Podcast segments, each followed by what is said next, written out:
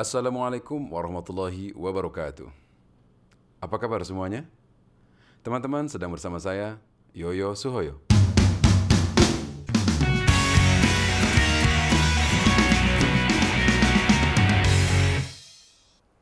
Pada sesi kali ini, saya akan menjelaskan tentang rancangan pengajaran atau kita mengenalnya sebagai instructional design. Ada dua metode yang akan saya jelaskan dalam merancang pengajaran. Yang pertama adalah model Gagne, yang kedua adalah 4CID, 4 Component Instructional Design. Mari kita mulai dengan model yang pertama, yaitu model Gagne. Model Gagne terdiri dari 9 langkah perancangan. Sembilan langkah ini dapat diselesaikan dalam satu kali pertemuan, misalnya saat kita memberikan kuliah, tetapi sembilan langkah ini juga mungkin baru bisa diselesaikan dari seluruh rangkaian pengajaran, misalnya saat pengajaran keterampilan klinik. Langkah pertama dari model Gagne adalah gain attention atau menarik perhatian. Banyak cara untuk menarik perhatian saat kita memberikan kuliah, misalnya dengan memberikan video, film, kasus, gambar, atau hal lainnya. Pada pengajaran keterampilan, kita bisa menarik perhatian mahasiswa dengan memutarkan video demonstrasi tentang keterampilan klinik yang sedang kita ajarkan. Langkah kedua dari model Gagne adalah inform objective atau menyampaikan tujuan pengajaran kita bisa langsung menyampaikan tujuan pengajaran ini atau kita bisa meminta mahasiswa untuk menyebutkan tujuan pengajaran tersebut. Langkah ketiga dari model Gagne adalah stimulate prior knowledge atau kita mendorong mahasiswa untuk mengingat kembali atau menggunakan pengetahuan yang telah mereka miliki sebagai dasar untuk mengikuti pengajaran yang akan kita berikan. Caranya adalah bisa dengan memberikan pretest atau kita mengajukan pertanyaan untuk dijawab oleh mahasiswa, baik dijawab secara pribadi maupun dijawab dengan cara berkelompok. Dengan cara ini, kita berharap mahasiswa membangun pengetahuan baru berdasarkan pengetahuan yang telah mereka miliki. Langkah keempat dari model Gagne adalah present material atau menyampaikan materi. Pada sesi kuliah, kita menyampaikan materi kuliah kita kepada mahasiswa. Pada sesi pengajaran keterampilan klinik, maka kita mendemonstrasikan keterampilan klinik yang akan kita ajarkan. Sampaikan materi secara terstruktur dan hindari penyampaian materi secara berlebihan atau overload. Langkah kelima dari model Gagne adalah provide guidance atau menyediakan panduan atau arahan. Pada langkah ini, kita menjelaskan secara rinci materi pengajaran yang kita berikan kepada mahasiswa. Atau kita juga bisa memberikan tips-tips kepada mahasiswa untuk memahami konsep atau materi pengajaran yang kita berikan. Pada pengajaran keterampilan klinik, pada langkah ini kita mendemonstrasikan dan menjelaskan secara rinci langkah demi langkah setiap prosedur keterampilan klinik yang sedang kita ajarkan.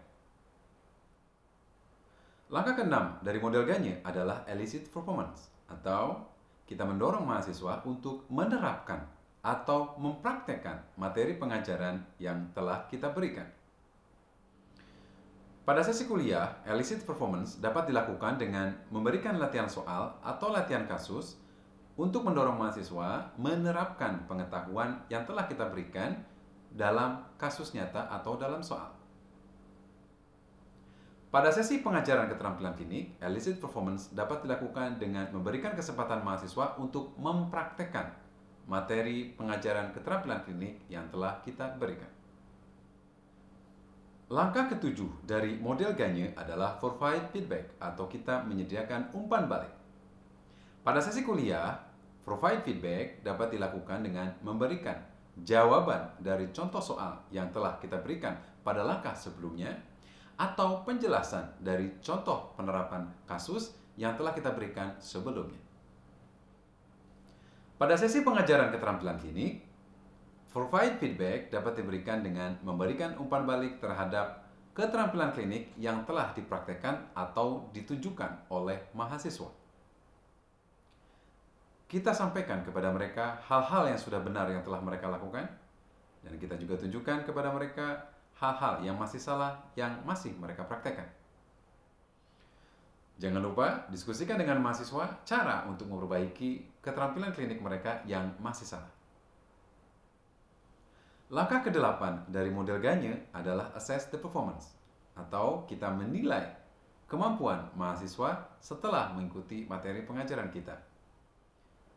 Pada sesi kuliah, kita bisa melakukan langkah ini dengan memberikan post-test kepada mahasiswa atau memberikan pertanyaan untuk dijawab oleh mahasiswa, baik dijawab oleh diri mereka sendiri atau dijawab dengan cara berkelompok, baik dengan teman di sampingnya atau dalam diskusi kelompok kecil. Pada pengajaran keterampilan klinik, langkah ini dapat dilakukan pada sesi pertemuan selanjutnya.